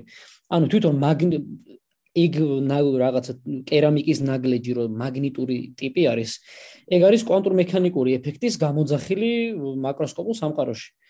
და ის ფაქტი, რომ მე და შენ და არ ვიცი ეს ლეპტოპი ახლა ხელში რომ მიჭირავს კვანტურ მექანიკურ ბუნებას რო არავლენს, საერთოდ არ არის ეგ ისეთი შოკის მომგვრელი ფაქტორი. იმიტომ რომ ჩვენ რაზეც შეჩვეული ვართ, გინდა უნივერსიტეტის დონის ფიზიკა, გინდეს სამეცნიერო ფანტასტიკა ან რაღაც, აი რაღაც შროდინგერის განტოლება რო ავიღოთ. იქ ყოველთვის საუბარი არის იდეალიზირებულ შემთხვევაზე. იდეალიზირებული ნიშნავს იმას, რომ გვაქვს აბსოლუტურად იზოლირებული ნაწილაკი, რომელიც გარემოსთან საერთოდ არ ურთიერთქმედებს. და ეგეთ ობიექტს აქვს ამ კვანტურ მექანიკური ეფექტების ყველაზე ისეთი გამძაფრებული გამოხატვის საშუალება, იმიტომ რომ ყველა გარეშე ეფექტისგან არის დახსნილი, იმიტომ რომ ნუ იზოლირებული არის საწყი თავიდანვე, ანუ ამოცანის განმარტებიდან გამომდინარე, ყველაფერი არის იზოლირებული. მაგრამ ასეთი იდეალიზირებული კვანტური სისტემების შესწავლა ასე თუ ისე ჭყალებში რომ მობეზდა ფიზიკოს მე შემოვიდა შედარებით უფრო გართულებული ამოცანა რომელსაც ხვია ღია კვანტური სისტემების ფიზიკა და ღია კვანტური სისტემების ფიზიკა ნიშნავს რომ ამ თავარ შეზღუდვას ხსნი და ამბობ რომ კარგი ეს რაღაცა კვანტური ნაწილაკი მაქვს მაგრამ მოდი დაუშვათ რომ ეს კვანტური ნაწილაკი გარემოსთან ურთიერთქმედებს რომელიც ასევე კვანტურ მექანიკური არის. და მოდი ვნახოთ აი ამ გარემოსთან ურთიერთქმედების შედეგად ამ კვანტურ ნაწილაკს რა მოსდის. ძალიან საინტერესო არის რომ ზუსტად ამ გარემოსთან ურთიერთქმედების გამო, რომელსაც ქაოტური ბუნება აქვს, იმიტომ რომ გარემოში წარმოქმნა არ აქვს არავის რომელი ნაწილაკი რა ენერგიის არის პირობით და ეგ წინ რაღაცა ყვავილი რომ იდევს მანდ ელექტრონი რა სიჩქარით მოძრაობს მაგის წარმოქმნა არ მაქვს რომელიც გინდა არ გინდა ურთიერთქმედებს ავლენს ამ ჩემ ნაწილაკზე რომელსაც მე ვაკვირდები ლაბორატორიაში და ზუსტად ეგეთი ქაოტური ურთიერთქმედების გამო ამ ღია კვანტური სისტემების ფიზიკაში შემოდის ეგეთი ცნება, რომელსაც ქვია დეკოჰერენტობის ცნება. და დეკოჰერენტობა არის ეგეთი რაღაცა, რომ აი თან არ მინდა რომ მათემატიკური ტერმინები შემოვიყო, მაგრამ რაღაცა რიცხვი არის, რომელიც მიხასიათებს რამდენად კვანტური არის ჩემი ეს ობიექტი, რომელსაც ვაკვირდები.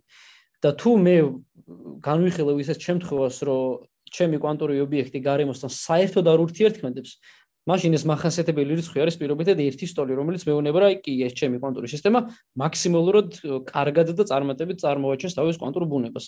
მაგრამ როგორც კი მე სულ ოდნავ მივცემ ამ ნაწილაკს იმის საშუალებას, რომ გარემოსთან ურთიერთქმედოს, მაშინ ეს რიცხვი 1-დან გადაიხრება და გახდება პირობითად 0.99. რაც მეუბნება რომ ჩემი კვანტური ობიექტი 99%-ით არის სუფთად კვანტური მაგრამ აი რაღაცა ისეთი აქვს შერეული, რომელიც ამ თავის კვანტურ ბუნებას ბოლომდე ვერ წარმოაჩენს.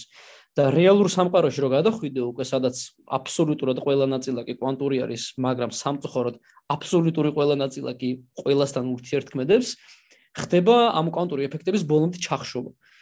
და ზუსტად ამ ჩახშობის გამო არის რომ რეალურად მეც და შენც არ არ წარმოვაჩენთ კვანტურ იმას რა ქვია ბუნებას და არ ვიცი ერთი ოთახიდან მეორე ოთახში რო გავდივართ კარების გავლით ის არ გვემართება რა ქვია დაბლ სლით ექსპერიმენტის მსგავსი დიფრაქცია არ გვემართება და რაღაც ინტერფერენციულ გამოსახულებას არ ვაჩენთ კედელზე. ზუსტად ეგ არის რომ ფუნდამენტურად ყველაფერი მაინც კვანტური ბუნების მქონე არის მაგრამ იმის გამო რომ სამყაროსთან ურთიერთქმედებს ყველა კვანტური ნაწილაკი ეს სამყაროდან შემოსული ხმა ორი ახშობს ამ კვანტურ ეფექტებს და საბოლოო ჯამში ხდება მხოლოდ აი რაღაცა კვანტური ეფექტების ძალიან ძალიან მცირე ნაწილის წარმოჩენა რეალურ სამყაროში, მაგრამ რაც უფრო დიდი არის ობიექტი, მით უფრო ძლიერად ურთიერთქმედებს სამყაროსთან. და ამის გამო კვანტური ეფექტების სრულიად მიჩქმალვა და ჩახშობა ხდება. და საბოლოო ჯამში ხრჩება ერთადერთი ვარიანტი. მიჩქმალვა იკარგება, აი ეგ მინდა რომ გავიგე. აი იკარგება, აი კვანტური მექანიკის თავარი ერთ-ერთი ნაწილი, თავარი ნაწილი, რომელიც კვანტურ მექანიკას და კლასიკურ მექანიკას ერთმანეთისგან განასხვავებს, არის entanglement-ის, ანუ კვანტური გადახლართულობის გადაჯაჭვობის, კი. კვანტური გადაჯაჭვობის იდეა. ჩემი აზრით და ძალიან ბევრი ფიზიკოსი ძიგივე აზრზე არის, რომ აი ეგ ერთადერთი ეფექტი არის, რითაც განსხვავდება კვანტური მექანიკა კლასიკური მექანიკისაგან. მაგის მიღმა ძალიან ბევრი რაღაცა ერთი და იგივე არის და საკმაოდ არაშთანბეჭდავი იქნებოდა სამყარო ეს კვანტური გადაჯაჭვულობა რო არ არსებობდეს. და ზუსტად ეგ არის, რომ აა იმის გამო რომ ანუ ეს კვანტური გადაჯაჭვულობა იმდენად ფაქიზი ობიექტი არის მათემატიკურად კი არა და ანუ ფიზიკურად ანუ ძალიან მარტივი არის მაგ კვანტური გადაჯაჭვულობის ჩახშობა და ორი ნაწილაკის ესე გაგლეჯვა გადაჯაჭვულობის თვალსაზრისით რა. რომ ანუ შენ რო აიღო ორი ცალი კვანტურად გადაჯაჭვული ნაწილაკი და სულ ცოტათი რო გაათბო ანუ თერმული ენერგია რომ მიანიჭო ძალიან ძალიან მარტივი არის რომ ამ გადაჯაჭვულობის ეფექტი მთლიანად ჩაახშო. და როგორც კი ჩაახშობ გადაჯაჭვულობის ეფექტს ეგრევე კარგავ ყველაზე მნიშვნელოვან კვანტურ ბუნებას შენ მიკროსკოპულ სამყაროში და კვანტური რადგან როგორ? განუზღრელობას კარგავ ხო? ანუ ამ შემთხვევაში. ну განუზღრელობასაც კარგავ იმიტომ რომ განუზღრელობა რეალურად კვანტურ მექანიკური ბუნება არის. ანუ კვანტურ მექანიკაში არის როგორ თქვა ну ხო, განუზღრელობის პრინციპი ძალიან მნიშვნელოვანი რაღაც არის, რომელიც სხვადასხვა მარტო კვანტური მექანიკის მახასიათებელი არის და კლასიკურ მექანიკაშიც ძალიან მაგარ ადგილას ჩნდება, მაგასაც გეტყვი. ძალიან მოულოდნელი იყო ეგ ჩემთვის, მაგრამ ნუ აი ხო ეგ არის მთლიანი ის მუღამი კვანტურ მექანიკაში, რომ როგორც კი შენ კვანტურ სისტემას საშუალებას მიძლევ, რომ გარემოსთან იურთიერთქმედოს, ანუ ნორ რეალურ სამყაროს რო განიხილავ, იმდენად ქაოტურად ხდება ინფორმაციის მიმოცვლა გარეშე სამყაროსა და კვანტურ ობიექტს შორის, რომ ამ ინფორმაციის მიმოცვლის გამო და ინფორმაციის დაკარგვის გამო, დაკარგვაში გულისხმობ, რომ ვერ დაიჭერ ის ინფორმაცია რეალურად როგორ გაიფანტა, დიფუზია როგორ მოხდა ამ გარეშე სამყაროში, მაგის გამო ხდება კვანტური ეფექტების ჩახშობა. და რეალურად ბოლოს იღებ, რომ გაქვს რაღაც ერთი ცალი ბურთი, რომელსაც არანაირი კვანტურ მექანიკური თვისებები არ აქვს. და ეს ყველაფერი იზოლირებული რო ყოფილიყო გარეშე სამყაროსგან წარმოაჩენდა იმას ტალურ ბუნებასაც და ნაწილაკურ ბუნებასაც. ეს რაღაცას გამიგია რომ აი მილიარდში ერთი შანსი რაღაც პირობით განიცდო და არის შანსი რომ აი ერთი ადამიანი იყოს და უცებ გარშეს მარსზე და ეს ანუ ამ კვანტური მექანიკის ფუნდამენტი რამდენად. ეს რამდენად რეალურია და ვაფშე მაგ ну რეალური არის მაგრამ მაგის ალბათობა იმდენად მცირე არის რომ არც კი ღირს მაგის ეს სერია ძალიან დიდია და ანუ უსაზღვროა და სადღაც მას შეიძლება მოხდეს ეგეთი რაღაცა კი შესაძლებელია რომ ანუ აი სიტყვაზე მე ვზივარ ახლა აქ და გავშდე მარსზე. ну გაჩდე ცოტა ისეთი ნათქვამი არის მაშინ საუბარი უნდა იყოს ინფორმაციის გადატანაზე იმიტომ რომ შენ რაღაცა კვანტურ ტელეპორტაციაზე ну та კვანტური ტელეპორტაცია კიდე აკრძალული არის არსებობს თეორემა no clone theorem რაც ნიშნავს რომ ორი ცალი კვანტური სისტემა რო აიღო შეუძლებელი არის მათემატიკურად არის დამტკიცებული რომ პირველ კვანტურ სისტემაში რაც კი ინფორმაცია გაქვს შეუძლებელია რომ კლონირება გააკეთო და მეორე იმაში გადაიტანო ისე რომ ინფორმაცია არ დაკარგო. ხო ატარებენ კვანტურ ექსპერიმენტს, კვანტურ ტელეპორტაციის ექსპერიმენტს. ну ეგ ცოტა ის არის როგორ თქვა. ხო. ანუ თლად თავს ვერ დავდებდი მაგაზე რომ ეს არის რა ანუ სანდო არიან რაღაც მსგავსი ანუ იმდენად იმდენად ბევრი და ახალი რაღაცა ხდება. ეხლა კვანტურ მექანიკაში კვანტურ ექსპერიმენტებში რომ ცოტა რთული არის მაგ ყველაფერს თვალი ადევნო და შეამოწმო და ექსპერიმენტი ცალკე გაიმეორო და მთელი ამბები ამიტომაც შეიძლება კვანტური ტელეპორტაცია მოახდინეს, ოღონდ ცოტა სხვანაირი ინტერპრეტაცია აქვს მაგაც და იქ რაღაც მესმის შენ პირობითად შენ შენ აღარ იქნები რომ მოახდინოს შენ ტელეპორტაცია კვანტური, მაგრამ აა ნაწილაკების და რაღაც ინფორმაციის გადატანის დონეზე მე მგონი ფუნქციონირებს. მმ შეიძლება, აი, ვის არის რა როგორ თქვა? რთუ რთული საკითხი არის იმ გაგებით რომ საბოლოო ჯემში ინტერპრეტაციის თემა არის შენ რას ეძახი ტელეპორტაციას. თუ ტელეპორტაციას ეძახი მხოლოდ მე როგორც არ ვიცი რაღაც ფიზიკური ობიექტი კოპიო გააკეთო და სადმე გადაიტანო მაშინ კი მაგრამ თუ მოგინდება რომ ინფორმაციის კლონირება გადაიტანო სადღაც ისე რომ მე არ მოუკვდე და მე ცოცხალი დავრჩე ეგ უკვე ცოტა ისე არის კითხვის ნიშნის ქვეშ არის რა. ხო ანუ კლონირება ეგ არის რეალურად ეგ ხო, მაგრამ არა მაგრამ შეიძლება გადავიტანო ინფორმაცია სიტყვაზე რაღაც და არა ბული ცვლადების კონცეფცია. და ამ ჰაიზენბერგის განუზღრეულის პრინციპში არის რომ კოორდინატს თუ გაზომობ დიდი სიზუსტით იმპულსი არის. იმპულს თუ გაზომობ დიდი სიზუსტით კოორდინატი არის. ეგ იმის ბრალი არის რომ კოორდინატი და იმპულსი რეალურად არიან შეუკლებული ცვლადები. მაგრამ ეგ ყველაფერი მოდის ეგრეთ წოდებული ფურიე გარდაქმნის წესიდან. და ფურია გარდაქმნის წესში კიდე არის მეორე წყვილი შეწყვილებული შეუღლებული ცვლადების ეს არის დრო და სიხშირე. და მაგის ძალიან მაგარი პარალელი არის რომ შენ მე თუ შენ ჩაგირთავ რაღაცა ნოტას რომელიც ჟღერს პირობითად 10 წამი შენ შეგიძლია მითხრა რომ აი ეს ხმა არის დო მაჟორი ან რაღაცა ლა მინორი ან რაღაც მაგრამ ტაში რო დაუკრა იმდენად ხანმოკლე მანძილის განმავლობაში მიმდინარეობს ეს ხმა, რომ შენ ვერ მეტყვი რა ნოტა არის, ანუ მე შენ ძალიან გიზუსტებ ზუსტად როდის მოხდა ეს ხმა, ანუ ჰაიზენბერგის განმავლობაში პირობითად დელტა x გეუბნები ზუსტად რა მომენტში მიდიოდა ეს ბგერა. მაგრამ მაგის გამო შენ არიცი რა სიხშირეებით არის გამოტანილი ეგ შენი ინფორმაცია, ანუ დროში მე შენ ინფორმაციას გაწვდი ზუსტად, მაგრამ სიხშირეების დიაპაზონში წარმოდგენა არ გაქვს რა კომბინაციებით იყო აგებული ეს ხმა. და პირიქითაც შეგიძლია ქნა, რომ ღილაკს დააჭირო ძალიან დიდი ხანითითი და თქვა რომ კი ეს ნოტა არის C მაჟორი ან რაღაცა, მაგრამ ზუსტად არიცი როდის დაიწყო ამ ნოტის გაჟღერება. ანუ პარალელი არის კოორდინატის და იმპულსის განუზღროლობასა და დროსა და სიხშირის განუზღროლობას შორის. სულ იგი ბოტანო ან დარიაულად ახლა ჩვენ საუბრობთ ამდენი ხანი ხო ანუ მინდა ამ განუზღროლობაზე მაკრო და მიკრო სამყაროებზე და კვანტურ შესაძლებლობებზე ანუ იდეა შეგარის რაღაც მოცემულობა რომ რომელშიც რეალურად ცხოვრობთ ხო და რომელსაც აქვს კიდევ უფრო დიდი პოტენციალი. ხო ნებისმიერ თემაზე ცალკე შეიძლება გააკეთო ხო რაღაც ანუ კიდაც კვანტური კომპიუტერები იქნება ეს კვანტური ტელეპორტაცია იქნება კვანტური სხვადასხვა ტექნოლოგიები თუ ასე შემდეგ რა და ცალკე კიდე შეგვიძლია ისაუბრო ჰაიზენბერგზე, შროდინგერზე და ასე შემდეგ და ანუ ფართო თემა გქონდა ძალიან რა და რა მგონია რაღაც დონეზე მაინც მეტნაკლებად ყველაფერს შევეხეთ. რამე თუ არის ისეთი რაც ვფიქრობ რომ კიდე ამ თემაზე შეგვიძლია ვისაუბროთ და ნელა შეგვიძლია ალბათ ასრულოს და წავიდეთ. ну რავი მე საბოლოო ჯამში არაფერი ისეთი აღარა მაქვს დასამატებელი იმიტომ რომ თუ დამატება მოგვინდა მაშინ უკვე ძალიან სიღრმეებში უნდა ჩავიდეთ რაც ცოტა ის არის პრობლემური იქნება იმიტომ რომ თლად მარტივიც აღარ არის მე უკვე ყველაფერი. ანუ სალაპარაკოდ რაც იყო მარტივი ბაგაზე ვისაუბრეთ და მე უკვე დაფადაც არცი არის საჭირო უფრო და ფორმულები დიდი. კი, კი. თლად მასეც არ არის. კი ბატონო. აი, შენ თუ გაქვს რამე შეკითხვა კიდე დასამატებლად?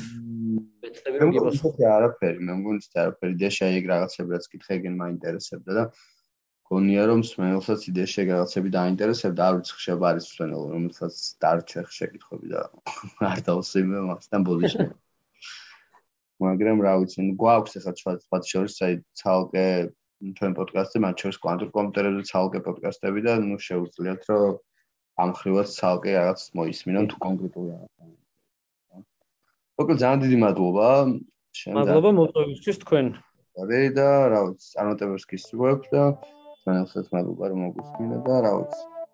შევხვდებით შემდეგ. დიდი მადლობა. მოწვევისთვის და დიდი მადლობა მსმენელს მოსმენისთვის. ალბათ ალბათ